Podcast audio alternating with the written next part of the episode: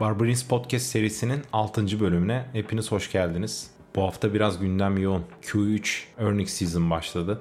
Yani faiz kararı bizim için çok iyi gelmediği için bu earning sezonu bizi aslında çok desteklemiyor. Yani burada eğer enflasyon iyi gelseydi 8.1 veya bir 6 gelseydi bilançolarla büyük ihtimalle güzel karlılık görürdük. Artık Amerika marketinin kriptoya olan ilgisini herhalde bilmeyen yoktur diye düşünüyorum. Çünkü oradaki bir hareket dolayısıyla kriptoya da yansıyor. Şimdi bu hafta neler var ona bakalım. Bir kere pazartesi salı günü büyük bankalar var. Bank of America var, Goldman Sachs var, bir de Schwab var. Schwab bir yatırım bankası. Yani çok ciddi bir fon yöneten bir yatırım bankası. Şimdi bunlar JP Morgan geçen hafta kar açıkladı. Yani beklentinin üzerinde açıkladı. Bu aslında finans piyasasının, bankaların güçlü durduğunu gösteriyor. Şimdi bankaların zaten çok konuşulan bir dönemdi biliyorsunuz bu Credit Suisse ve işte Deutsche Bank'la alakalı. İşte bankalar zor durumda, bankalar şey falan. Aslında onlara bir cevap oluyor. Tabii bu Q3 dönemi yaz dönemini kapsadığı için yani aslında önümüzü çok göstermiyor ama bizim şu an rahatlama yaşamamız lazım borsalarda. Baktığınızda her yer destekte. Yani Amerika'da destekte. Ya buradan sağlam çökeceğiz ya da buradan bir rahatlama e, rallisi gelecek. Tabii ki bu rally uzun süreli olmayacaktır. Bu ralliyi herkes kar realize etmek, işte elindeki pozisyonları azaltmak ve resesyon etkilerine karşı tedbirli olmaya itecektir yani.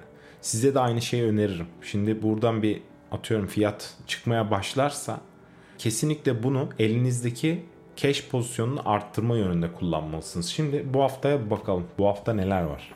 Şimdi az önce dediğim gibi Bank of America, Schwab ve e, Goldman Sachs var. Pazartesi günü sadece iki tane banka var. Schwab ve Bank of, Bank of America. Şimdi bunlar finans sektörü için önemli. Salı günü Netflix var, Johnson Johnson var, United Airlines var, Goldman Sachs var, Lockheed Martin var. Şimdi bunların piyasa etkisini konuşalım. Netflix zaten biliyorsunuz Bitcoin grafiğiyle neredeyse birebir gitti. O yüzden Netflix'i önemli buluyorum. Yani en azından insanlar böyle abuk subuk şeylere işte ekstra şeylere para harcıyor mesela. Onu görmemi sağlar benim. Johnson Johnson yani çok bir şey e, değişmez. Johnson Johnson sağlık ürünleri üreten bir firma. Onu zaten mecbur herkes alıyor. Yani karlılığı büyük ihtimalle düşmez. Ama borsadaki etkisi iyidir yani. Bayağı büyük bir market cap'i var. O yüzden etkileyebilir. United Airlines onu çok şey yapmıyorum. İnsanlar uçuyor. Goldman Sachs dediğim gibi önemli banka. Lockheed Martin büyük ihtimalle kar açıklayacaktır. Çünkü e, bu adamlar füze satıyor, otomatik silah satıyor. E, zaten savaş yapıp duruyorlar. Biliyorsunuz birileri para kaybederken birileri kazanıyor. Burada kazanan da Lockheed Martin gibi firmalar olmuştur büyük ihtimalle. Yüksek gelir yani. Yani eğer borsalarda işlem yapıyorsanız salı günü Lockheed Martin'i belki long yönlü bakabilirsiniz. Çarşamba günü Tesla var. Bu önemli. Çünkü Tesla neredeyse 1 trilyon dolara yakın bir market cap'i var ve Bitcoin'le çok yakından ilişkili yani Elon Musk sebebiyle. O yüzden Tesla'yı önemli buluyorum. Onun dışında IBM var, P&G var. Onu da yani P&G ile Johnson Johnson bunlar zaten yani insanların almak zorunda kaldığı ürünler. Yani işte şampuandır, sağlık ürünüdür, ilaçtır. Ya bunlar zaten çok kötü geleceğini sanmam. IBM yani işte zaten çok bir beklentisi yok. Perşembe günü çok önemli bir şey yok. Telekomünikasyon sektörü var. Cuma günü de çok önemli değil. Ee, gene telekomünikasyon var. Bir tek American Express var. Göreceğiz bakalım neler olacak. Şimdi makro tarafında neler var? Makro tarafındaya bakalım. 20 Ekim'de bizim Türkiye saatiyle 3.30'da işsizlik haklarından yararlanma başvurusu açıklanacak. Şimdi Fed ne yapmak istiyordu bu faizleri arttırırken? İşsizliğin artmasını istiyor. Yani ekonominin soğumasını istiyor. Şimdi bunu nasıl okuyacaksınız? Burada beklenti 232 bin.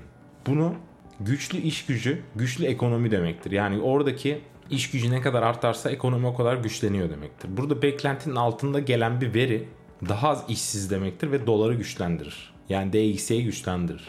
Bu da Fed'in daha emin bir şekilde faiz arttırmasını sağlar. Yani biz bunu istemiyoruz. Yani buradaki aslında iyi haber e, borsalar için kötü bir haber. O yüzden bu veriyi önemsiyorum. Çünkü bu veri bize geçen ay dump getirdi. E, işsizliğin düşmemesi. Onun dışında Philadelphia imalat endeksi var. İşte üretim, iş gücü, ihracat gibi alanlarda ne durumda Amerika? Onu aslında gösteriyor ama Philadelphia'ya özgü bir endeks olduğu için çok da sınırlı kalacaktır yani etkisi. Onu çok kale almıyorum açıkçası. Teknik olarak Bitcoin'de şöyle bir senaryo bekliyorum. 19.100 seviyesindeyiz. Buralar grafikte point of control noktası. Yani alım satımın en yüksek olduğu, hacmin en yüksek olduğu yerler. Fakat bir tane dip desteği var. Dip desteği de 18.700 ile 18.863 arasında. Benim olmasını istediğim senaryo buradan 18.800'lere gelip sonra oradan 20.300'lere gitmesi. 20.300'lerde daha önce söylediğim gibi e, grafiklerde de yani Twitter'da da attım, grupta da attım.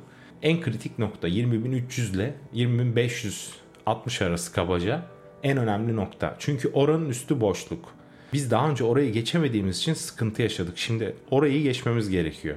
Orayı geçemezsek, oraya bir kere daha zorlanırsak bu sefer Haziran dibinin altını alma imkanımız doğar. Burada aslında Bitcoin'de genel olarak bir zayıflık var. Yani bakıyorsunuz işte düşüyor çıkıyor düşüyor çıkıyor ama bir türlü 20 bin civarını kıramıyoruz. Yani aslında burada benim tercih ettiğim senaryo haftalardır aslında şeyi bekliyorum. Yani o Haziran dibinin altını bir alsın. Yani Haziran dibi kaç şu an? 17.622. 17.622'nin altını bir alsın. Yani 17.000'i ya da işte 16.800'ü. Oraları bir alsın. Doğru dürüst bir likide bulsun öyle yükselsin istemiştim. Yani öyle bir beklentim vardı. Ama o beklenti tabi beklentilerle hareket etmiyoruz borsada. Sadece destek ve dirençle hareket ediyoruz. Şimdi burada kırılması gereken yerler var oraya gitmesi için. Mesela dediğim gibi 18.863 ile 18.700 arasında bir sürü confluence var. Oradaki range'in low noktası, val noktası, weekly bölgesi bir de Fibonacci bölgesi var. Yani orada 4 tane confluence var. Ortak küme var yani. Oranın kırılması gerekir ki bunun altına gelsin. Böyle her zaman çift yönlü plan yapmaya alışık olmanız lazım trade işinde. Yani asla ne yukarı ne aşağı planınız olması lazım. İkisine de planınız olmalı ki geldiğinde eliniz ayağınızı dolaşmasın. Takip etmeniz gereken seviyeler bunlar. Dediğim seviyelerden ben long alır mıyım? Alırım. Çünkü stopum belli. Stopum belli olan ve zararım belli olan her türlü pozisyon alırım. Benim pozisyona girerken ilk hesapladığım şey zarar miktarı, kar değil. Kar zaten geliyorsa geliyor ama benim orada zarar etmeyeceğim bir risk yönetimiyle girmem gerekiyor. Ne kadar zarar edeceğim hesaplıyor olmam gerekiyor. O yüzden stopumu bilmem gerekiyor. 18.800'lerde alınan bir pozisyon stopu çok belli. Oradaki weekly seviyesi işte nedir mesela buradaki? 18.750'nin altına stop koyabilirim mesela. Oradan giren. Ama şu an girersem POK noktasının altına koyarım. Büyük ihtimalle stop eder beni. Çünkü sürekli orayı 19.050'leri deniyor. Yani benim onun altına stop koymam beni stop edip çıkmasına sebep olabilir.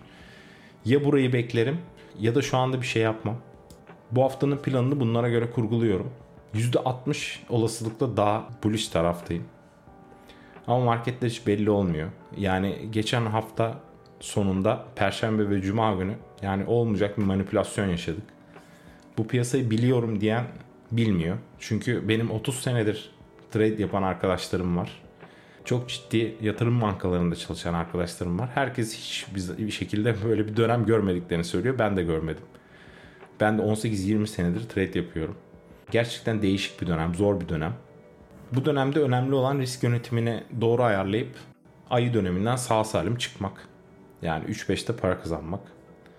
Bunu yapabildiğimiz sürece zaten e, uzun dönemli alım fırsatları çok geliyor. Yani firmaların değerleri çok düştü. Bunların defter oranları çok düştü.